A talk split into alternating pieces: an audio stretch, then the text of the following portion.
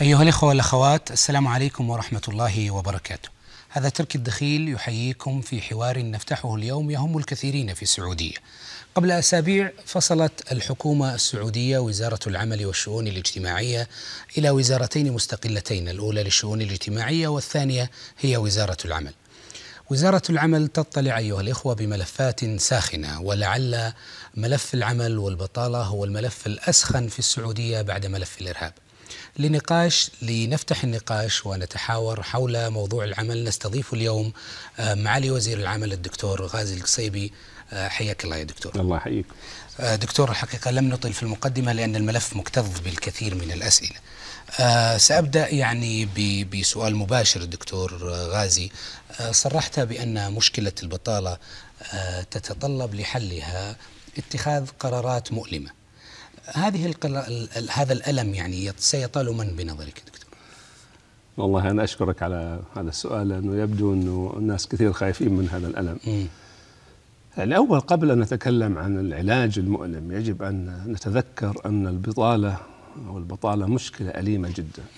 في الواقع أنها مشكلة آه، يعني أنا أتصور أنها قد تكون أخطر مشكلة نواجهها في مجتمعنا اليوم.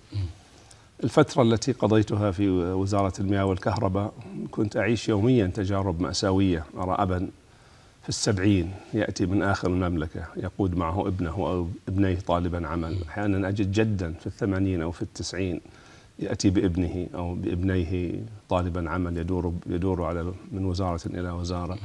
أجد أحيانا يعني بالفعل مأساة صور مأساوية. فأرجو الناس اللي خايفين من الألم الناشئ عن نقص التأشيرات أن يتذكروا أننا نتكلم الآن عن ألم 300 ألف مواطن في إذا إذا الألم سيكون للأشخاص يا دكتور الذين يعني يتولون استيراد أو استقدام. سوف سوف آتي إلى هذا النقطة. نعم. فإنما يجب أن نضع الأمور في نصابها. فعندما نتكلم عن ألم نتكلم عن علاج ولكن المشكلة الموجودة الآن أليمة. تمس 300 ألف بيت في المملكة. وإذا افترضنا أن الأسرة السعودية حسب الإحصائيات تتكون من حوالي خمسة أشخاص أو ستة أشخاص معناتها أنها تمس مليوني شخص. مشكلة البطالة تمس حياة مليونين شخص على نحو أو آخر. يعني إحنا نتكلم عن كما قلت مرة مشكلة تفحيط في الشوارع ولا مشكلة مرور. نتكلم عن مشكلة تدخل في أكثر البيوت أو كثير من البيوت في المملكة. طيب عندنا المشكلة الكبيرة هذه هل نتوقع أن يأتي آه، علاجها بقرار بسيط أو قرار سهل؟ الألم يأتي الحقيقة في التعود على عادات جديدة. أعتقد أن إحنا تعودنا على عادات سيئة منها الاعتماد المطلق على العمالة الوافدة هي التي أدت إلى مشكلة البطالة. فيجب أن نتعود عادات جديدة ودائما تعود عادات جديدة آه، عملية مؤلمة. كلنا من أولنا لآخر لآخرنا وأبدأ يعني بالعامل السعودي. ألم, أول ألم عادات يعني بس. يعني كل عادة جديدة تتعلمها فيها نوع من الألم. نعم. أريد من العامل السعودي أن ينسى عادة أن هناك وظيفة مضمونة. انتهينا من هذا. يجب أن يعمل عملا شاقا ويتدرب تدريبا شاقا وينسى الوظيفة من المهد للحد انتهت هذه الفترة. أريد أيضا من رجال الأعمال أن يتذكروا أن موضوع البطالة مشروع وطني. يعني أنا أكره هذه المفارقة هنا وزارة العمل في جهة وهنا رجال الأعمال. هنا الدولة في جهة وهنا القطاع الخاص. بس دكتور هذه يعني التصريحات التي تفضلت سوف نأتي للتصريحات؟ كانت يعني, يعني تقوم بهذا لماذا جعلت هناك خندقين لماذا ما نأتي؟ يعني نأخذها تصريح تصريح. يعني أنت طيب. بدأت بتصريح الالم بس نتكلم على هذه. أنت تقول لا نريد ان أن نقسم عندما نصل إلى هذا سوف, سوف اجيبه تفضل. ولكن آه، يعني الآن أنت سألتني سؤال. نعم. لا تسأل سؤال ما لم تريد أن تسمع الإجابة. لا لا أنت الحين سألتني عن الألم دعني أكمل. ولو أن في ألم لك أن تستمع. طيب. لا لا بالعكس أنا أنا هنا لاستمع والله أنتم مقدم البرامج تحبوا تتكلموا أكثر ما تستمعوا بس هذه هذه قضية أخرى. أه نريد من رجل الأعمال السعودي أن يتذكر أن البطاله مشروع وطني ليست ليس مشروع دولة. أريد أيضا مننا كمواطنين أن نخفف من عادات الترف الاستهلاكية التي تكاد تقتلنا معنويا. يعني لو سمحت لي أقول لك أغنى رجل في العالم الآن من هو؟ بيل جيتس. بيل جيتس. لو تدخل في بيل جيتس هل ستجد 250 شخص يخدمون؟ أنا أعتقد لن تجد إلا يمكن طباخ وبالكثير واحدة أو اثنين. فقصة أن كل بيت في المملكة يجب أن يكون فيه جيش صغير من العمالة الأجنبية الوافدة أعتقد أن هذه عادة يجب التخلص منها وهي عادة والتخلص منها لا يخلو من ألم. نحن في الوزارة أيضا يجب أن نتخلص من عاداتنا القديمة. يجب أن نتخلص من أن كل شيء يمكن أن يحل بتشريع أو بقرار وأن بالفعل نبتدئ حوارا مع القطاع الخاص وأن نستمع وأن نتفهم الأوضاع بشكل آخر. فالألم آه الذي أتكلم عنه ألم يعني ليس مقصورا على رجال الأعمال ولا على جهة معينة. ألم يجب أن يشارك فيه المجتمع بأكمله. في تغيير عاداته. في تغيير عاداته. طيب دكتور يعني أنت تحدثت قبل قليل عن الإشكالية وألم سيكون المجتمع يعني حل هذه المشكلة هل ينبع فقط؟ يعني من خلال وزارة العمل نجي للناس لهم 20 سنة متعودين على أنماط ونبي نحلها اليوم؟ طيب ليش ما يكون في حملة وطنية مثلا يمكن أن تؤدي إلى هذا الغرض حتى لا نلوم الناس من خلال أنماط ساهمنا نحن في صناعتها؟ والله شوف يعني أنا وزارة العمل هي اللي عندها المسؤولية المسؤولية الرئيسية ولكني لا أؤمن لحظة أن وزارة العمل يمكن أن تحل مشكلة العمالة بنفسها. مشكلة العمالة لحلها تحتاج إلى أولا نمو اقتصادي يفوق حركة النمو في زيادة السكان. أنا أعرف هذه الحقيقة يمكن أكثر من أي إنسان آخر. ما لم ينمو الاقتصاد لن تكون هناك وظائف تكفي لتوظيف السعوديين. هذه هي الحقيقة الأولى. هذه تحتاج إلى تضافر المجتمع كله, كله. التدريب أيضا مهم جدا لمعالجة المشكلة. الحد من العمالة الوافدة ضروري لمعالجة المشكلة. يعني المش... أنا لا أتكلم عن قرار واحد أتكلم عن حزمة إجراء عن مجموعة إجراءات. أنا الجزء المتعلق بوزارة العمل هو أنا المسؤول عنه. لكن لا أستطيع أن أقف بانتظار أن المجتمع كله يغير مخرجات التعليم ويغير عاداته، لا يجب أن أبدأ. هناك من يرى أنك بحكم كونك مع الوزير يعني آه وزير في الدولة وعامل يعني من عمال الدولة آه تريد أن تبرئ ما يتعلق في إشكالية العمل تبرئ الجانب الحكومي ولذلك تتحدث فقط عن مسؤولية مجتمع عن مسؤولية رجال أعمال. فيما الإشكالية الرئيسية موجودة في مخرجات التعليم. مخرجات التعليم لا تخرج أناس يتحدثون الإنجليزية بشكل جيد لا ليس لديهم الحد الأدنى من المهارات التي يمكن لرجال الأعمال أن يجعلوهم يعملوا من خلالها. فلماذا لم يتم الحديث عن عن هذه الإشكالية وهل هناك تنسيق مع وزارة التعليم؟ تركي يعني أظن الحديث عن الموائمة بين مخرجات العمل ومتطلبات السوق لم ينقطع خلال العشرين سنة الأخيرة. لكن لم يحدث في شيء خلال العشرين سنة؟ لا أعتقد خلال السنوات الأخيرة الثلاثة والأربعة والخمس الأخيرة حدثت تغييرات جوهرية. يعني مثلا قفزت ميزانية التدريب أضعاف أضعاف. ستفتح السنة القادمة 20 كلية. م. قفز عدد المتدربين من من بضعة ألاف سوف نصل قريبا إلى أكثر من مئة ألف متدرب. الآن في جامعة محمد بن سعود فتحت كلية لل كليات علمية. علمية. فإذا يعني هناك آه القطاع الخاص جميع الكليات التي يقيمها تقريبا كلها مبنية على مخرجات السوق وكلها مبنية على متطلبات القطاع الخاص. يعني ليس صحيحا أن الدولة لم تعمل شيئا. أنا ما أحب أن أقوله أن أنا أريد أن أتطلع للمستقبل. ولا أنظر إلى الماضي. يجب أن نتعلم جميعا عادات جديدة. الدولة بدأت تتعلم عادات جديدة بدأت تهتم بهذه الناحية. نرجو أيضا من العامل السعودي أن يتعامل يتعلم عادات جديدة. من البيروقراطيين في وزارة العمل وفي غيرها أن يتعلموا عادات جديدة. وأيضا من المجتمع الذي تعود تعود أن يحصل على ما يشاء من عمالة وافدة رخيصة بجرة قلم واعتبرها حقا مكتسبا من حقوق الميلاد. السؤال آه، يا دكتور أود أن أسأل صرحت بأن نسبة البطالة في السعودية لا تتجاوز 9.9% من عدد السكان. آه هذه هذه النسبة تشكل 300 ألف آه يعني مواطن. سؤالي أولا هل هذه مبنية على استثناء المرأة منها أم لا؟ والله يعني دعني أضع الآن موضوع المرأة جانبا في الوقت الحاضر. ولكني الآن عندما توليت أنا هذا هذا العبء أو هذه المسؤولية وجدت تقديرات كثيرة.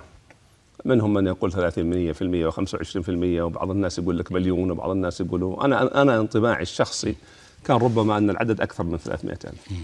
أنا ليس من صالحي كإنسان أو كموظف أو كمسؤول أن أقلل من العدد بالعكس من صالحي أن أكبر العدد لكي تب... عشان تصغر الملف اللي تتولى. لا لكي تبدو يعني معالجة المشكلة على المدى البعيد أن المشكلة كانت أكبر وأمكن التغلب عليها. يعني ليس لي مصلحة ذاتية في تصغير العدد اطلاقا. ولكني وجدت لا توجد عينات علمية في تقدير هذا العدد إلا عن مصلحة الإحصاءات العامة. سألت عدد كثير من اللي يقولوا 30% إيش إيش من فين جبتوا؟ قالوا والله هذا انطباعنا الخاص. سألت بعض البنوك من فين جبتوا هذا الرقم؟ قالوا هذا انطباعنا الخاص. ومصلحة الإحصاءات العامة قالت أنا عندي عينة من 15 ألف أسرة سعودية موزعة في جميع أنحاء المملكة. فأنا أعتقد أنه يجب أن مصلحة الإحصاءات العامة توضح هذا يمكن إحنا مقصرين كدولة توضح إحصائياتها ولا فهمته من المسؤولين في وزارة الاقتصاد والتخطيط أن طريقة جمع العينات نوقشت مع منظمات دولية متخصصة في العمل وهذه هي الطريقة الدولية. يعني, يعني عينات عشوائية بنيت على عينات عشوائية ولم تبنى على استقصاء لكل لا يعني هو إن شاء الله في الإحصاء القادم هذا نستطيع أن نبني على احصاء كامل بس كل الإحصائيات هذه كما تعرف آه، كلها تبني على احصاء على عينات. العينات يعني أنا أقول عشوائية بس المفروض إن عينات تمثل أي. الشرائح المختلفة. فهي عندهم 15000 عينة في جميع أنحاء المملكة. فأنا أقرب رقم لي إلى الدقة هو ما هو موجود عند مصلحة الإحصاءات العامة. إذا يأتيني إنسان باحث أو أو مؤسسة بحثية برقم أكثر دقة والله مستعد أن أتبناه لكن في الوقت الحاضر هذا أقرب رقم إلى الدقة في متناول يدي. طيب دكتور هذا يعني سنواصل الحديث بعد الفاصل في هذه النقطة ولكن أود أن أسأل هل هذه الإحصائية تتناول أيضا البطالة داخل النساء السعودية؟ والله هذا الموضوع أنا يعني أقول لك بكل صراحة أني لا أعرف الوضع بالنسبة لبطالة النساء لسبب بسيط جدا أن بطالة الذكور أوضح. يعني أما تقدم لوزارة الخدمة المدنية أو لوزارة العمل أو بحث كثير من النساء جالسين في جالسات في, بيوتهم. ما, ما نعرف. فالحقيقة أنا طلبت من مصلحة الإحصاءات العامة من معالي وزير الاقتصاد والتخطيط أن يجري دراسة خاصة تتعلق بالبطالة بين النساء. فقط. ليس لها علاقة آه، بأي نوع آخر من البطالة وبمجرد ما تصلني النتائج سوف تعلن إن شاء الله. اذا سيكون هناك نسبة يعني آه، الإحصاء المقبل سيكون للبطالة آه، يعني جانب فيه. يعني حيكون جزء حيكون دراسة مفصلة للبطالة بين النساء. بين كل المجتمع طبعا. بين كل المجتمع لكن في شريحة معينة بين النساء. متى تتوقعون تظهر النسبة؟ العملية تستغرق بعض الوقت بس لا أعدك أن بمجرد أن تصلنا لا يوجد عندي شيء في الوزارة أخفيه عن أحد. بمجرد أن تصلني هذه المعلومة سوف تذاع وتنشر على المواطنين. طيب. آه، أيها الأخوة فاصل قصير نعود بعده لمواصلة حديثنا مع الدكتور غازي القصيبي وزير العمل في السعودية فابقوا معنا.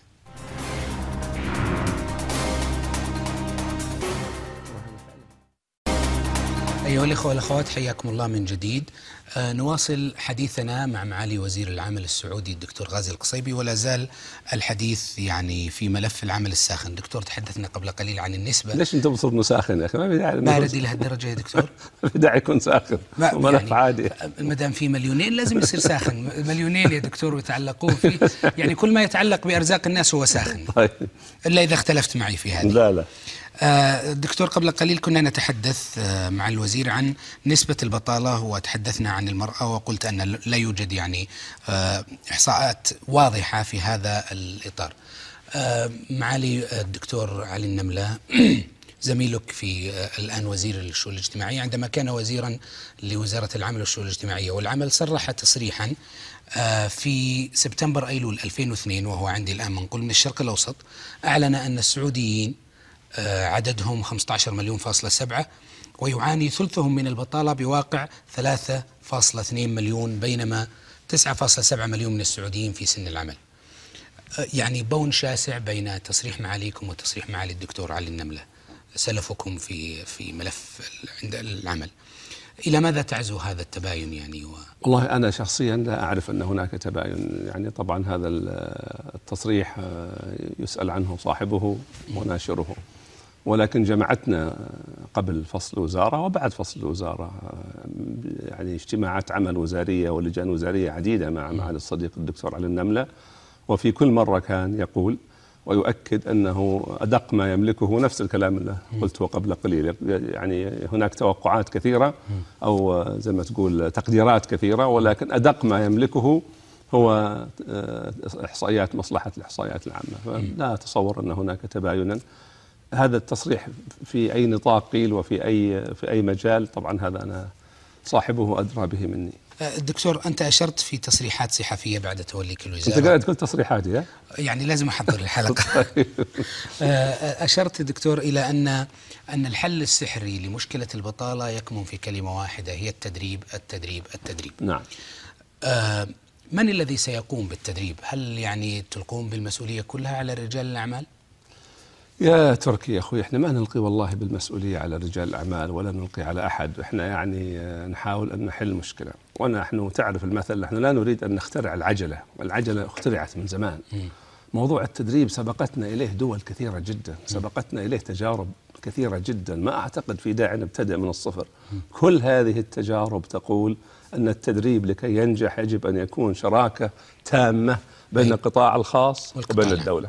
ما تجي تقول لي أنتم تلقون بها على قطاع رجال الأعمال؟ هل الألمان ألقوا بها على قطاع الألمان هل اليابان ألقوا بها على قطاع رجال كل بس وش سوت الدولة من أجل التدريب يا دكتور؟ يعني إحنا مستعدين الدولة مستعدة أن يعني هي الموضوع ما هو تراشق تهم سوت الدولة ما سوت. إحنا نريد أن نفهم مش المقصد يعني. نريد أن نضع لا الأمور أنت تريد أن تفهم لا تريد أن تفهم. لا لا بالعكس أنا أسأل والناس تستطيع أن تأخذ طيب. ما تريد. طيب أنتم الآن تقولوا أن إحنا في المملكة نلقي في القطاع الخاص. أنا أقول لك أنا أنقل وجهة نظري يا دكتور ترى. على كل حال عفوا. من يقول هالكلام؟ م. أنا أقول أن عندنا تجارب التدريب موجودة في كل محل في العالم. موجودة في كوريا موجودة في اليابان موجودة في ألمانيا موجودة في بريطانيا موجودة في فرنسا. لا نخترع العجلة.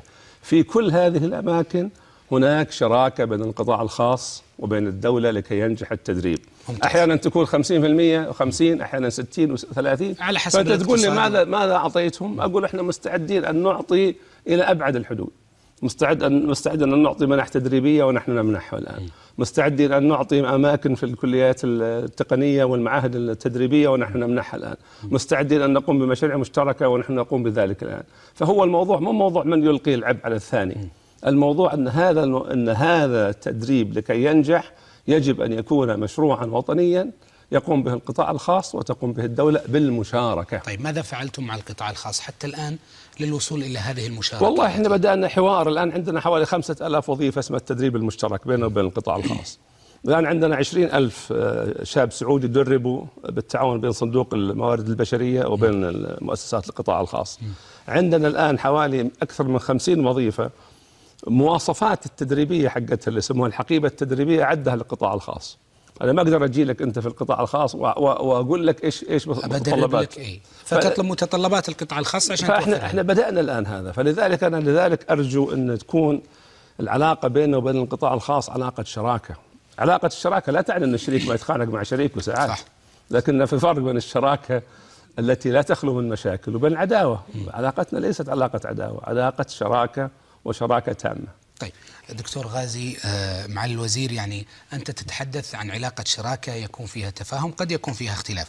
لكنك صرحت في 29 أربعة في الصحف السعودية وقلت بأن مخاطب الرجال الأعمال لن تفيدكم أسلحة الابتزاز سأحارب مافيا التأشيرات. يعني هذه اللغة هل تعتقد أنها لغة قد تؤدي إلى إلى الشراكة؟ أنت جيت و... وأعلنت يعني ألفاظا قوية أشبه ما تكون بحرب على الرجال أنت أنت يعني هذا الموضوع أخذت جملة نشرت في جريدة لم تكن موجودة في اللقاء ولا لا؟ م. وأنا لم أخاطب رجل أعمال رجال أعمال خاطبت رجل أعمال واحد لأنه هذا الأسلوب بينه وبينك يعني أسلوب آه، يشعر الإنسان نحوه بالامتعاض عندما تتقدم الدولة بمشروع يهدف إلى حل مشكلة وطنية تتعلق بمستقبل هذا البلد يقول لي أنا بروح بالبلد الفلاني. إذا سو... إذا طلبتم مني أي شيء بشيل أغراضي وأروح البلد الفلاني. هذا أسلوب ليس لا, لا يجوز في التعامل. وهذا بالفعل ابتزاز. يا أخي بتروح المحل الفلاني رافقتك السلامة. فكان الكلام موجه إلى شخص معين أو إلى عقلية معينة. ولكن يعني ليس, ليس شخصا محددا بعينه يعني يعني اللي تكلم شخص محدد بعينه بس ما أتذكر اسمه واسمه قال إنه أنا ساذهب نعم نعم. بتجارتي لأنه نعم. يوفرون لي. نعم قال يعني إذا تطلبوا منا أي متطلبات بنشيل عملنا ونروح. يا أخي هذا كلام عيب أن يقوله أي إنسان. هذا وطنه. أهله ترابه جذوره. يقول لي أروح محل آخر. بعدين قلت له أنتم فين؟ حتروحوا؟ التوطين يلاحقكم في كل محل. الأمارات العربية المتحدة اللي دائما يشيروا إليها الآن فيها بطالة. الخليج الآن في بطالة 500 ألف. رجال الأعمال اللي استثمروا فين؟ في فيتنام طلبوا منهم أن يوظفوا فيتناميين طيب بس دكتور هل تعتقد الله يحفظك يا دكتور غازي بأن يعني يمكن أن يخاطب رجل الأعمال بهذه اللغة بمسألة يعني التركيز على الجانب الوطني في رجل لا يفهم إلا بالمال؟ هو يقول أنا أحصل على هذه الامتيازات في بلد آخر. أنت الآن يعني لما تقول عن إن إن عن رجل اعمال انه لا يفهم إلا في المال يعني أعتقد إنك اقصى يعني اقصى يفهم في المال أكثر من غيره تكون يعني. تكون اقصى من أي عبارة قلتها ويمكن أن أقولها. أنا أعتقد يا أخي رجل إنسان رجل أعمال مواطن. وأنا قلت لرجال الاعمال وأخاطبهم الآن أقول المشكلة البطالة موجودة في بيوتكم في عوائلكم في عشائركم عند عيال عمكم. فيعني أنا لا أطلب من رجل الاعمال إنه يعمل معروف يعني لأجل المعروف أطلب منه أن يخدم نفسه أن يخدم عائلته أن يخدم مجتمعه أن يخدم. فالقصة انه رجل الأعمال ما يفهم إلا في زيادة ربحه ولا عنده اعتبار آخر يعني طيب هذا جردناه من كل وطنية. لا يا دكتور خلينا ننقل سؤال إلى جانب آخر، الدولة الآن تتحدث عن رؤوس مال أجنبية واستثمار أجنبي، كيف ستنطلق من منطلقات وطنية في الحديث عن مع المستثمر الأجنبي؟ المشكلة في دراسة ما عنده بيت وما عنده مشكلة في في دراسة قامت بها مجموعة استشارية لهيئة الاستثمار وموجودة ويمكن الاطلاع عليها. ما في ولا مستثمر قال إن موضوع السعودة أو التوطين عقبة بالنسبة لي ولا لم يوجد مستثمر واحد قال هذا الكلام. يعني القصة إن لما تقول إن المستثمر الأجنبي سيهرب بسبب السعودة هذا كلام غير صحيح. المستثمر البريطاني أول شيء يطلب منه أن يوظف بريطانيين المستثمر في ألمانيا أول شيء يطلب منه يوظف ألمان. فلذلك يعني ليش أنتم تحطوا فكرة في أذهان الناس إنه إذا أحد بيستثمر يجب أن أسمح له أن يجيب عمالة رخيصة، أخي يبغى العمالة الرخيصة يروح بلد العمالة الرخيصة، ليش يجي عندي في المملكة؟ فهذا قصة إنه يعني كل قرار يهدف إلى القضاء على البطالة. يجب أن يكون قرار معادي للقطاع الخاص، يجب أن يكون قرار معادي للاستثمار هذا غير صحيح. طيب. ويجب أن نتخلص من عادة التفكير أن أي قرار يعالج البطالة هو بالضرورة قطاع يؤلم القطاع يعني يضر القطاع الخاص ويضر المستثمرين ويضر الدولة ما هو بالضرورة. طيب. آه، دكتور غازي يعني هذا الحديث آه، يعني جزء من حديث عن أن العمالة الرخيصة الموجودة في بلاد في البلاد السعودية هي جزء من المشكلة وتحدثت أنت أيضا في تصريحاتك عن هذا الجانب. هناك من يقول أن إحلال العماله غير رخيصة سيقود بالبلد إلى غلاء الأسعار. فكيف تتعاطى مع هذا يعني هذا هذا هذا تعميم لأنه في الواقع ما يمكن ان نعمم بهذا الشكل يعني أنا أعرف الآن في مدراء مدير إنجليزي ولا ألماني ولا أمريكي يأخذ خمسين ألف ولا ستين ألف ولا مئة ألف ولا لا. تعرف الكلام ولا ما تعرف؟ صحيح. طيب هذا هذا هذا راتبه يشغل كم سعودي؟ إيه، بس ف... أنتم تتكلمون عن رواتب الضئيلة يعني. معليش لا نتكلم عن رواتب عموما. يعني ما أعتقد يصعب التعميم بهذا الشكل. الآن السعوديين بدوا يقبلوا رواتب في الواقع. أي إنسان يفكر يجد أنها أرخص من رواتب العامل القادم يعني لما يشتغل سائق في حدود 1000 ولا 1200 ريال أو حتى 1500 ريال. لما تأخذ التذاكر ومشاكل الإرجاع ومشاكل قدوم العامل الأجنبي بالتأكيد العامل السعودي الآن في كثير من المجالات أصبح أرخص أو على الأقل نفس التكلفة. فهذا الإصرار أخرى أقول الدنيا تتغير. العامل السعودي الآن يقبل أشياء لم يكن يقبل بها من قبل. يدخل في مجالات لم يكن يدخلها من قبل. فالإصرار هذا الإصرار العجيب الرتيب إنه يعني أي شيء يؤدي إلى إحلال العامل السعودي محل العامل غير السعودي سيؤدي إلى الغلاء والتضخم وتوقف النمو يمكن حتى الحرب العالمية الثالثة. يعني هذا هذا أيضا لا يجوز. هذه وجهات نظر الطرف الآخر يا دكتور نحن بس هذا من حقنا أن نناقشها. صحيح. ولا لا؟ صحيح ما في شك. يعني أنا حين سألتك وأنت قلت لي ما في ناس يأخذوا مئة ألف أجانب؟ ما أدري والله. لا تدري. ما في ناس خمسين ألف مدراء؟ تدري. فايش معنى يعني ما ناخذ إلا هذا العامل الرخيص ونقول لو حطيت محل سعودي ترتفع الأسعار. لا ما هو ضروري. نتحدث عن طيب بس يعني بعدين في عنصر ثاني العمالة الوافدة آه، ترسل تحويلات إحنا ثاني بلد في العالم بعد الولايات المتحدة بالأرقام م. المطلقة. فترسل تحويلات ب 60 بليون ريال. لو تصورنا جزء من هذا 60 بليون ريال دخل في الدورة الاقتصادية المحلية م. سوف يؤدي إلى آثار وإنعاش في الحركة الاقتصادية وفي نمو صحيح. القطاع الخاص يزيل أي أثر صحيح يعني أنا أريد أن أنظر للمشكلة نظرة من شمولية من كل جوانبها طيب آه، مع الوزير آه، نقلت عنك صحيفة الجزيرة في 29 أربعة آه، من هذا العام قولك في اجتماعك برجال الأعمال أنك لن أنه لن يتم إصدار أي تأشيرة لعمالة أجنبية إلا بعد الفحص والتدقيق مني شخصيا من معاليكم. نعم. آه أنتم تتحدثون عن ما يق يعني يقارب أكثر من 300 ألف تأشيرة. لا سلامتك من 650 ألف. 650 ألف. نعم. طيب يا دكتور إذا أنت بتدقق 650 ألف تأشيرة وش تبي تسوي يعني؟ كل وقتك بيصير تدقيق تأشيرات وأنت مع الوزير يعني. والله شوف آه هذه مرحلة عابرة وإن شاء الله يعني عندما يعني آه الأمور تستقر ممكن أن يتنازل. يعني في البداية بيصير مع عمل وزاره تدقيق تأشيرات ثم خلتني اكمل يا تركي عفوا يا دكتور. أنت يعني انت أنت وضعت السؤال وعندك الإجابة. الإجابة مو كلامك مو صحيح أن عملي تدقيق أولا أولا أولا خليني أشرح لك كيف العملية. طبعا. لو أنت سألتني كيف سوف تراقب كل تأشيرة لا أجبتك. اسألني قل لك كيف ستراقب لكن لا تجي تقول لي عملك كله حيكون تدقيق تأشيرات يعني لأن, هذه لأن هذا لا تأخذ ولا واحد في المئة من وقتي. هذا تجيني تجيني قوائم كل قائمة فيها ألف ألف تأشيرة. بالضبط تأخذ العملية عشر أو أو ربع ساعة لمراجعتها لأنه كثير منها لا تحتاج إلى مراجعة دقيقة وبعضها واضح جدا إنها تحتاج لمراجعة. فالعملية لا تأخذ مني أكثر من نصف ساعة في اليوم. طيب لماذا انت الان أنت الان دكتور؟ يعني لماذا لا يقوم بها أشخاص مثلا تثق بهم؟ لأني أنا أريد أن أعرف وضع العمالة، أريد أن أعرف عندما أتكلم أتكلم عن علم، أريد أن أعرف كيف لمن تذهب العملات والتاشيرات ومن الذي يستورد العمالة. واكتشفت العجائب يعني ماذا اكتشفت حديث يعني مثلا حين هذه نقول ترك الدخيل إذا ما عندك مانع. ما عندي مانع. تجيني قائمة من حوالي 15 آه، طلب. آه، مؤسسة ترك الدخيل للموبيليا 20 عامل. مؤسسة ترك الدخيل للوجبات السريعة 25 عامل. مؤسسة ترك الدخيل آه، للخدمات الخاصة ولا السريعة ولا 25 عامل. مؤسسة ترك الدخيل للفول 25 عامل. مؤسسة ترك صحيح والله. مؤسسة مو ترك الدخيل. يعني مؤسسة فلان فلان إن شاء الله يصير في مؤسسات بهالجملية دكتور الله كريم. للغسل مغسلة ما أدري منجرة. يعني هل معقول واحد ترك الدخيل عنده 25 مؤسسة؟ وكل مؤسسة تجيب 25 شخص وفي النهاية نعطي له 3000 عامل. هل هذا معقول؟ يعني أنتم دققتوا لم تجدوا مؤسسة فعلية بهذا يعني هو حتى لو وجد هل في شخص منطقة ممكن أن يكون عنده هذا كله؟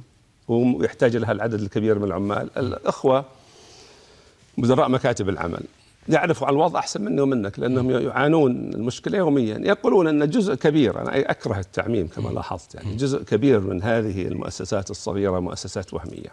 وهناك محلات في الرياض وهناك محلات في جدة. المحلات تؤجر لك كل شيء جاهز ما فيها اليافطة. ياف مؤسسة ترك الدخيل إيش قلنا الوجبات السريعة؟ ينتهي الموضوع. يروح واحد ثاني ولا نفس المحل بنفس اليافطة لمؤسسة فلان الفلاني جزء كبير يعني منها. في فساد يعني في الموضوع. يعني تستطيع أن تقول ذلك. طيب دكتور يعني معناته هذا يؤكد أن هناك مافيا تأشيرات. يعني كلمة مافيا أنا ما أدري قلتها ولا لا يعني كلمة مافيا توحي بتنظيم معين هرمي ما أدري إذا كان موجود أو لا. بالتأكيد هناك من يستفيد منها. مافيا بدون تنظيم هرمي. ما, ما أدري لأن هذا صعب إني يعني صعب أتكلم عن مافيا تعرف المافيا؟ فيها رجال يقتلوا من ينحرف على الطريق ويبتزوا ويهددوا يعني ما في لها تعريف معين إلا إذا استخدمت مجازا فما أعرف ان وجود في هل ما في موجودة لكن أعرف أن هناك آه، سوء استغلال واضح جدا للتأشيرات. طيب ألا تخشى أنت دكتور أن يعني آه، يضرك هؤلاء الذين ستقفل عليهم أبواب رزق من خلال تأشيرات تباع في السوق وأنت أشرت إليها أن هناك تأشيرات تباع في السوق؟ والله هناك نوعان من الرزق رزق مشروع ورزق غير المشروع. الرزق المشروع أنا إن شاء الله لن ألقى الله وفي عنقي يوم القيامة قطع رزق مشروع واحد. رزق غير المشروع لا أبالي أن ألقى الله وفي عنقي مئة ألف رزق غير مشروع مقطوع. لأن الحقيقة المتاجرة بالأعمال الرخيصة والمتاجرة بحاجتها إلى إلى المال وجلبها بمبالغ وهمية وتوقيع عقود وهمية معها. ثم بعد ذلك أخذ مبلغ عليها على الكفالة ونقل كفالتها وتسييبها في الشوارع لكي تحصل على مبلغ والشخص يقعد. يعني هذا الشيء لا يليق بكرامة الإنسان ولا بالوطن السعودي ولا بكرامة الوطن السعودي. وإذا كنت أغضب هؤلاء الذين تعودوا, تعودوا على أن يرتزقوا من هذا النحو فأنا أرجوهم أن يعني يبحثوا عن طريق رزق. طرق الرزق كثيرة. وفي عندنا فتاوى وإن شاء الله ستنشرها الوزارة من هيئة كبار العلماء من أصحاب السماحة العلماء من سماحة الشيخ بن باز رحمه الله. كلهم يقول لا يجوز لا يجوز الاتجار بالبشر على هذا النحو بالكفالة وبيعها أو تسييب العمالة. فهذا يعني غضبهم بالنسبة لي يعني شيء يسعدني. طيب لكنهم بالتأكيد لن يتنازلوا يعني عن عن هذه الأبواب. أليس كذلك؟ والله أرجو أرجو إن شاء الله أن الله أن يغنيهم الله سبحانه وتعالى بحلاله عن حرامه. آه عند هذه النقطة آه سنعود دكتور بعد الفاصل إن شاء الله لمواصلة آه حديثنا أيها الإخوة فاصل قصير نعود بعده لمواصلة حديثنا مع معالي الدكتور غازي القصيبي وزير العمل في السعودية فابقوا معنا. أيها الأخوة والأخوات حياكم الله من جديد. لا زلنا في حوارنا مع معالي وزير العمل السعودي الدكتور غازي القصيبي والملف لا يزال عن ملف العمل في السعودية. ساخنا لا يزال ساخنا. لا يزال ساخنا. آه دكتور سألنا قبل قليل عن مسألة تدني الأجور. آه أود الحقيقة أن يعني آه تجلي هذا المسألة. أنت تحدثت أن السعودية لا يمكن لا يتيح الوضع في السعودية أن نفرض حدا أدنى للأجور. لماذا برأيك دكتور؟ والله شوف عندي صديق اقتصادي آه، يقول آه، الاقتصاديون من الحاصلين على جائزة نوبل إلى المعيد في قسم الاقتصاد لا يجمعون إلا على شيء واحد وهو أن التحديد حد أدنى للأجور من الناحية الاقتصادية عمل مضر جدا. والدول التي حددته حددته لأسباب سياسية وفي الغالب وإنسانية يا دكتور. سياسية يعني أساسا وهي أحزاب يعني ذات طابع آه، يعني اشتراكي في معظم الحالات. وتطبيقه يؤدي إلى إلى مشاكل كبيرة، سوق العمل في المملكة فيها خلل كبير جدا.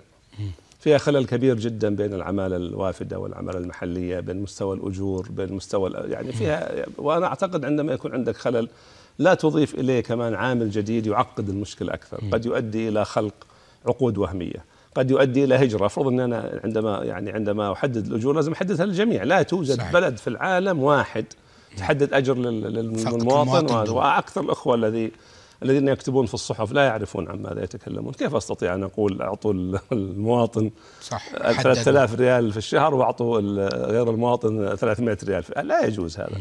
فإذا حددت حد واحد للاجور سوف أخلق مشاكل لا أول لها ولا آخر لأنه يعني في بون شاسع وفي أعداد كبيرة جدا. وإذا حددت حدين أنا أعتقد وأؤمن من, من الأعماق أن هذه سياسة عنصرية ونحن كل ما نقوله عن العامل الوافد لا يعني في أبعاده أي أي ناحية عنصرية بالعكس نحن نقول من يأتي بلدنا بطريقة نظامية نحن نرحب به ونشكره على مساهمته في في بناء وطننا. ولا وأنا أفكر جديا في الواقع أنا ننشئ إدارة جديدة في وزارة العمل هدفها حماية العامل الوافد لأن الحقيقة الإنسان هو الإنسان والكرامة الإنسانية هي الكرامة الإنسانية. ولا ينبغي أن نفكر في إجراءات تجعل هناك معاملة خاصة للمواطن, للمواطن دون, دون فأعتقد إنه الحد أدنى للأجور كما يطلبه كما يطالب به كثير من الإخوة الذي يقوم على حدين واحد للمواطن واحد لغير المواطن. غير أعتقد هذا مرفوض يعني ولا ولا ولا يوجد أي تفكير فيه. وحددنا للاثنين بطبيعة الحال هذا يعني. حيكون صعب جدا. طيب. دكتور أنت تحدثت قبل قليل عن عن 600 ألف تأشيرة آه، منتظرة خلال عام آه، يعني تتمنى وستعمل على تقليص هذه النسبة إلى حد كبير. آه، ماذا عن العاملين الموجودين أساسا؟ التأشيرات الموجودة هذا الحديث عن تأشيرات جديدة. نعم. ماذا عن هؤلاء؟ هل هناك آه، خطة لديكم لتقليص هؤلاء من خلال مثلا إحلال أو لأنه الحقيقة يعني فتح هذا الملف حتى الأجانب في السعودية يعني أقلقهم كثيرا. والله أنا أحب أن يعني أشكرك على أن أتحت هذا الموضوع. أنا ليس لدي أي نية في أخذ أي وظيفة من عامل هو في الوقت الحاضر آه، يعني يقوم بها. لأننا لسنا في حاجة لذلك. يعني عندنا وظائف. عامل أجنبي ولا مواطن؟ هذا عامل أجنبي. آه، يكفي الوظائف الجديدة أن تكون للسعوديين. ما يعني لا أريد أن يفصل أحد في الوقت الحاضر ولا ولا يوجد أي داعي لأنه إحنا لو لو تصورنا أن 600 ألف هذه اللي حتجي اللي جات العام الماضي هذا 600 ألف وظيفة جديدة. إذا قلنا إحنا أن عدد العاطلين 300 ألف. يعني لو اكتفينا بنصف الأعمال التي قدمت في العام الماضي لا حلت مشكلة البطالة. السعوده في وظائف مستحدثة وليس في الوظائف الموجودة الآن آه الحديث عنها. الوظائف المستحدثة تكفينا وتزيد لو استطعنا أن نسعود فيها. م. أيضا أنا ترى أحب أن أقول يمكن هذه مناسبة يعني ملائمة لا أؤمن ب 100% سعودة. لا يوجد ضرورة ل 100% سعودة، أعتقد أن وجود عامل عنصر أجنبي ضروري من أجل الاستفادة من خبرات معينة، من أجل الاستفادة من من حتى من ثقافات معينة، يعني أنا سوف أكون سعيدا جدا لو وصلنا ل 75% سعودة في أي قطاع من القطاعات.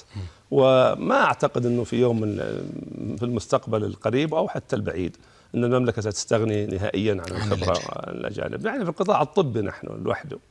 القطاع الطبي عندنا بين المهن الطبية والطبية المساعدة يمكن نحتاج خلال العشر سنوات القادمة إلى خمسين ألف وظيفة. معظمها سوف يجيء. آه، من خارج المملكة. هل استفدتم يا دكتور يعني من الأحداث الإرهاب والقلق الذي صار عند بعض بعض العمالة الأجنبية المتخصصة مثلا لجهة إحلال السعوديين؟ والله هذه فكرة لم تطرأ على بالي أن موضوع الإرهاب يمكن أن يساعدنا في في حل مشكلة البطالة ولكن من إحصائيات وزارة الداخلية لا يبدو أن هناك أي نوع من أنواع الهجرة لا المحدودة ولا الواسعة بين أوساط آه، الوافدين في المملكة على أثر. بهذه الأحداث. طيب. الآن أصبح الإرهاب ظاهرة دولية يمكن في بلدهم كثير منهم هناك إرهاب لا يقل عن هذا أو قد يزيد. طيب. دكتور آه، تحدثت عن أنه يعني خلال تصريحاتك الماضية أيضا. مع هالتصريحات يعني هذا الملف لابد استند على التصريحات. وهي خلال أسابيع قليلة يعني عندك عندك مخبرين يبحثون عن تصريحاتي. صحيح. آه تحدثت دكتور أنه لابد من أن تنتهي أسطورة تتحدث عن أن السعودي لا يقبل العمل بالمهن اليدوية. نعم. فينا نقول المهن متدنية الأجور. لا لا ما أعتقد هم هناك الكلام كان أن هناك مهن إنجاز التعبير يعتبرها المواطن السعودي وضيعة أو أو, أو لا تليق به. أنا أبغى أعرف ما هي هذه الوظائف، لأن أنا ارى بعيوني الآن أشوف بنفسي السعوديين في الصرف الصحي. في في يعني وظيفة مثل الصرف الصحي إذا كنا نتكلم عن الإنسان ما يبغى يوسخ نفسه ولا يبغى يوسخ يده يعني الصرف الصحي. في وزارة المياه والكهرباء عندما نعلن عن 20 وظيفة يتقدم 200 و300 و400 و500 عامل في لا زلت تتحدث عن المياه عندما نعلن يا دكتور. يعني على كل حال يعني أنا كل كل عمل التحقت به الزملاء يصبحون جزء من حياتي. نعم. بس طبعا أؤكد لمعالي الوزير الجديد إني لا. اطمع لا أطمع في صلاحياته. لا لا. فيعني عندما نعلن بالفعل يتقدم. أنا الآن ذكرت قلت هناك طباخون. على فكرة أنا غدا سوف أذهب لمقابلة مجموعة كبيرة من المتدربين الطباخين والحلاقين. هناك دفعات كثيرة من هنا الحلاقين. في جدة. في جدة وفي مكة المكرمة. هناك دفعات كبيرة من من الطباخين ومستمرة ومن الحلاقين ومن سواء سائق سيارة الأجرة ومن العاملين في الصرف الصحي ومن العاملين في الفنادق ومن الذين يشتغلون نوادل أو أو أو قرصونات أو أو حتى يشتغلون البيل بوي هذا اللي ينقل نعم. يعني ماذا تريدون من السعودي أن يعمل. يعني هذا قصة أن السعودي يأنف من هذا أنا لا أرى وظيفة الآن السعودي يأنف من العمل بها. فهذا الموضوع يجب أن ين... حتى وظيفة مدير عام. حتى وظيفة وزير. ف يعني هذه يعني هذا التشبث على البقاء في قوقعة الماضي. السعودي لا يعمل. السعودي غير منضبط. السعودي يطلب آه، أجرة كبيرة. رجل الأعمال ما يفكر إلا في المصلحة. رجل الأعمال عدو للمواطن. رجل أنا هذه كلها أساطير يجب أن نتخلص منها. يجب أن ننظر هل تعتقد أنها انتهت تماما ولا باقي؟ لا ما انتهت تماما. ولكن عندنا صورة فيها جوانب مضيئة وفيها جوانب مظلمة. فيها جوانب إيجابية وفيها جوانب سلبية. أنا أقول ليش ما نركز على الجوانب الإيجابية؟ ونقويها ونوسعها. نترك الجوانب السلبية. الجوانب الإيجابية الآن في كل محل. يعني الآن في طيب الجوانب الإيجابية دكتور ليش ما تحدثت عن ما فعله رجال الأعمال مع السعودة خلال السنوات تحدثت بإسهاب لكن الصحف ما تنقل أي ما تعرف أنت قصة اللي عض الكلب. عض كلب الرجل فيعني هذا ما ما تنقل. بالعكس أنا في المنتدى لقاء الموارد البشرية كرمت حوالي 20 أو 30 من رجال الأعمال لمساهمتهم ونقلتها الصحف للأمانة يا دكتور. طيب يعني أنا بس بس أثر هذه عند الناس ما يصير زي أثرها في الأشياء اللي اللي تكون قوية. يعني هذه الإشكالية ولا الصحف تنقل الجانبين شوف شوف يا تركي أنا أقول لك يعني رجال الأعمال بكل صراحة فيهم ناس وصلوا إلى سعودة 100% صحيح.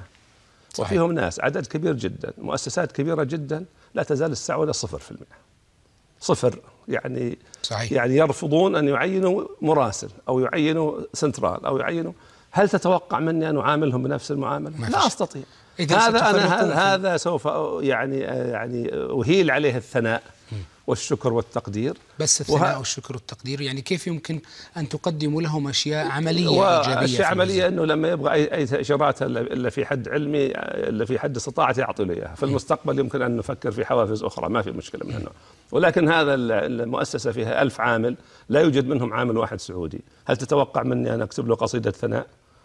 ألا تتوقع مني هنا في الحالة؟ هجاء المفروض تصير مثلا. أو أن نقول يعني أن نقول له يا أخي طيب يعني إحنا الآن يعني استحي شوية دكتور أنا بس بوضح أنا لا أريد أن يعني ما لي مصلحة أن يفزع رجال الأعمال بس أنا أريد أن ننقل وجهة نظر لا لا لا بالعكس بالعكس يعني أنا أنا رجال الأعمال يعني ما عندي أنا مشكلة مع الرجال. أنا قلت هذه الوزة التي تبيض وظائف. أنا معتمد عليهم في الوظائف التي أطمع أن يعمل فيها العامل السعودي فلا توجد لدي مصلحة في التضييق على رجال الأعمال. ولكني كل ما أقول أن نلتقي في منتصف الطريق. هذا الآن لأول مرة أول وزير عمل يقول لن أطلب من أحد نسبة 100% أليس هذا تنازلا كبيرا؟ لأول مرة أقول سوف أجلس معكم ولن أطالبكم بشيء لا تستطيعون تحقيقه. لأول مرة أقول اجلسوا معنا وأخبرونا عن حاجتكم وسوف نعمل البرامج التدريبية. يعني أنا أريد أن ألتقي معهم في منتصف الطريق. جميل. مع الأسف مع الأسف في أقلية لا تستطيع أن تتفاهم معه كما أن هناك أقلية من البيروقراطيين الحكوميين اللي يركبوا لا رأسهم. ويطلعوا قرارات تعسفية كما أن هناك أقلية من العوا... من العمال السعوديين غير المنضبطين اللي يجي عندك اليوم تدرب وتصرف عليه خمسين ألف ريال بكرة واحد يعطيه 500 ريال يخرج ويتركك. يعني هناك سلبيات ما في شك طيب في كل محل. هذه نقطة يا دكتور أنا وضعتها ضمن الأسئلة وأردت أن أسألك عنها. هناك حديث عن ضرورة أن يدرب القطاع الخاص السعوديين لتأهيلهم يعني آه للوظائف. آه هناك دائما أو غالبا ما يتحدث رجال الأعمال أن ندرب هذا ونصرف عليه وبعدين نروح لغيرنا. صحيح كيف هذا ستوفرون؟ يعني هل ستقولون لهم الوطن يكفي أن تدربوه لأجل لا الوطن لا وال- لا لا يعني على كل حال إن دربوا لأجل الوطن لا- ما يضيع لا يذهب العرف بين الله والناس. ولكن آه، رجال الأعمال بعضهم أيضا يديرون أعمالهم بطريقة فوضوية. لا توجد إدارة لشؤون الموظفين جيدة ولا يوجد ولا توجد ملفات ولا ولا يوجد يعني إدارة موارد بشرية. والآن الأخ محمد جميل وأنا يعني هذا أذكر اسمه الأخ محمد جميل درب الآن مئات وعن قريب حيصل إلى آلاف الشباب السعوديين لم يدرب أحد منهم مجانا. كلهم دربهم بقروض. وكلهم يسدد القروض. صحيح أن قروض من غير فوائد قروض حسنة ولكنهم يسدد القروض. ونسبه التسديد أكثر من 90% ما في أي شيء يمنع رجل الأعمال بالمشاركة مع الوزارة في إعداد برنامج بحيث أن التدريب الذي يحصل عليه العامل هو قرض يسدده. ولا في أي شيء يمنع رجل العام الأعمال من من وضع عقد العقد شريعة المتعاقدين نعم. يقول إذا أنت خرجت قبل سنتين أو ثلاثة أو أربعة ترجع لي ما انفقته على تدريبك هذا كله هذا هذا وارد ممكن أن وستضمنون في مكتب العمل يعني آه، ما ما يحفظ حق التاجر اللجان. العمالية شعارها كشعار أي جهة قضائية في العالم العقد شريعة المتعاقدين نعم. واذا اذا إذا صار اتفاق أنه إذا خرج المتدرب يدفع التعويض فاللجان العمالية سوف تحترم هذا النص. نعم. طيب آه، دكتور آه، هناك حديث ما عندي أيضا. تصريح جديد غير هذا ولا؟ عندي تصريحات أخرى؟ أرجو أن يتاح لها وقت. تصريحات كثيرة ما شاء الله صرحت كثير يعني في فترة قصيرة لأن الملف ساخن. آه، هناك من يتحدث عن أن الحكومة السعودية تنوي أن تفرض ضريبة على الأجانب لأجل تعزيز موقع السعودة. هل هذا صحيح؟ والله في الوقت الحاضر كما يعرف الإخوة المستمعون هناك ضريبة آه، أو رسم لأن الضريبه وضعها غير الرسم 2000 ريال على التأشيرة. وهناك آه، رسوم تجديد. ولكن لمعلومات الإخوة المستمعين والإخوات المستمعات لم تؤدي هذه إلى نقص حتى 1% من العمالة ال- الوافدة. بالعكس مع تضاعفت زادت. الرسوم. ورسوم التجديد ومع ذلك لم ينقص عدد القادمين عاملا واحدا. ولكن ردا على سؤالك هذه الأمور أنا أعتبرها آخر العلاج الكي. يعني في النهاية في النهاية. الحل الحل الجذري هو أن تجعل العامل الأجنبي عالي التكلفة بحيث تفوق تكلفته وتكلفة العامل السعودي. أنا أفضل أن أخلي هذا أو الدولة تفضل أن تخلي هذا آخر المطاف. المطاف. وأرجو أن لا نصل إليه. ولكن آخر العلاج يعني. آخر العلاج الكي. ولكن في الوقت الحاضر لا توجد نية ل- ل- لزيادة الرسوم لا رسوم الاستقدام ولا رسوم التجديد طيب صرحت أيضا يا دكتور عودة إلى تصريحاتك أنك ستتشدد في منح التأشيرات للشركات الصغيرة. آه، مع أن آه، يعني آه، شريحة عريضة من المجتمع تستفيد من هذه ال- الشركات الصغيرة، لماذا استهدفت الشركات الصغيرة دون الشركات الكبرى؟ أولا هذا يعني أنا س- أيضا أشكرك لأنه هناك يبدو إحنا مقصرين في شرح بعض الحقائق، الكلام هذا نشر في الصحف وفي الإنترنت على على نطاق أوسع وهالأيام الفرق بين ما ينشر في الصحف والإنترنت أصبح ضئيلا جدا خصوصا في مستوى بعض الكتابات لا يكاد يوجد فرق. خصوصا هذا ثناء على الإنترنت يا دكتور يعني يعني هذه ولا ولا يسأل الصحافة. هذا يفهمها كما تشاء. ولكن في الواقع الدولة عندها نسبة سعودة مرتفعة عندها نسبة ال- نسبة السعودة 90% أرامكو دائما يقول ليش ما تتشطر على أرامكو؟ أرامكو نسبة السعودة عندها 90% ليش ما تتشطر على سابك سابك عندها 87% شركة الكهرباء عندها 85% شركة الاتصالات عندها 84% هذولا أكبر دعم للشاب السعودي في الوظائف. شركة الكهرباء عندها 25 ألف وظيفة. هذه قطاعات شبه حكومية يا دكتور لا لا بس. الآن شركات يعني لا يعني الكلام ليش تتشطر عليهم ما تتشطر عليهم؟ ليش ما ما تشطرت على القطاع الخاص يا دكتور اللي عنده آه، شركات كبيرة لكن ما عنده سعودة. يعني هذا كلهم لماذا اختصصت الشركات الصغيرة دون غيرها؟ يعني هذا كنت أشرحت لك قبل قليل أنه يبدو لأنها فيها نسبة عالية بالسعودة. نس- لأن لأن الشركات المؤسسات الصغيرة هي أكبر مورد للمتاجرة بالتأشيرات. كما شرحت لك قبل شوي ما أعطيت لك مثال ال- نعم. مؤسسات ترك الدخيل أيوة. للفول ولل الفول وال... وال- والمنجرة وال... فإحنا ما عندنا احد نتشطر عليه واحد ما نتشطر عليه. يعني إحنا عندنا مشكلة نعالجها من جميع جوانبها. نعالجها مع الشركات الكبيرة ذكرت لك قبل قليل. نعالجها مع الشركات الصغيرة. نعالجها. ولكن أنا أرجو أرجو ان نبتدئ نفكر في شيء اسمه العامل السعودي. لماذا أول شيء يفكر في المواطن عندما يبدأ مؤسسة؟ أبو عمال. أبو 20 عامل. ليش ما يفكر يا أخي؟ المطاعم في كل محل في العالم في كل محل في العالم من يديرها؟ تديرها الأسرة نفسها الأب الابن المدري إيش اللي يمكن المرأة في المطبخ تطبخ وراء حالها معزوله فإحنا عندنا أي إنسان يفكر في أن يبدأ في رزق أو في تجارة لا يفكر إلا في العمالة المستوردة يعني بدل ما تصبح العمالة جزء من يمكن هذا المعادلة. مظهر إنساني اهتمام بالإنسان قبل ال- الأشياء يعني يجوز يجوز. بس لكن أنا أقول أنا إنه يعني أنا أبغى من الشاب السعودي الطموح أن يكون طموحا بالفعل أن يبدأ عملا بنفسه أن أراه إنما إنسان قاعد بس يفكر أجيب 20 عامل من هنا وأجيب 25 هذا ما هو طموح هذا استغلال. وأرجو يعني بالفعل العامل الطموح يبتدئ هو يخدم في مطعمه ثم يأتي بزملاء له يخدمون في المطعم. ثم يتوسع المطعم. وعلى العين والرأس لما يصل إلى يعني يبني فندق إن شاء الله أنا اعطي له ما يحتاج إليه من عماله. طيب دكتور قلت آه، في تصريح في كمان؟ تصريح أيضا. أكيد أنا ما أسمعك في مجالس أسمع التصريحات يعني. آه، قلت يا دكتور في تصريح أنني سأقضي على البطالة خلال عام واحد. إذا لم تقضي عليها خلال عام واحد وش نسوي؟ لا لا هذا الكلام لم أقله ولا يقوله إنسان عاقل. البطالة كما شرحنا قبل قليل مشكلة تحتاج معالجتها إلى إلى حزمة من الإجراءات وإلى يعني وقت. وقلت سوف تظهر. كنت أتكلم عن الحد من سياسة خفض سقف العمالة الوافدة. قلت سوف تظهر آثار إيجابية لهذا القرار خلال سنة. آه ما قلت ب- لا بقضي لا عليها لا خلال لا, سنة. لا, لا, لا. أنا قلت القضاء على البطالة يتطلب بضع سنين. وأضفت أيضا أن في اللغة العربية بضع من ثلاثة لتسعة ثلاثة لتسعة بس هذا في ناس بيعتبرونه تراجع يا دكتور يعني. ولا ولا لم تنقل الصحف. إما إما أن أكذب أو يعتبر تراجع هذا الكلام الذي قلته. قلت سوف تلمسون خلال سنة. على كل حال لابد الحديث مسجل. آه ولو كنت أعتقد أن بوسعي أو بوسع الدولة القضاء على البطالة في خلال سنة بالعكس هذا يعني بشرى. ولكني أعتقد أنه يعني تحتاج إلى بضع تحتاج إلى بضع سنوات. وأرجو أن لا تحتاج إلى أكثر لأن لم تصل الآن إلى إلى إلى أنها تخرج على السيطرة. طيب. آه، دكتور غازي القصيبي وزير العمل السعودي شكرا لك على هذا اللقاء. أيها الإخوة لم يبقى لي إلا أن أشكركم على متابعة هذه الحلقة. حتى نلقاكم في حلقة جديدة. أترككم في رعاية الله وحفظه. السلام عليكم ورحمة الله وبركاته.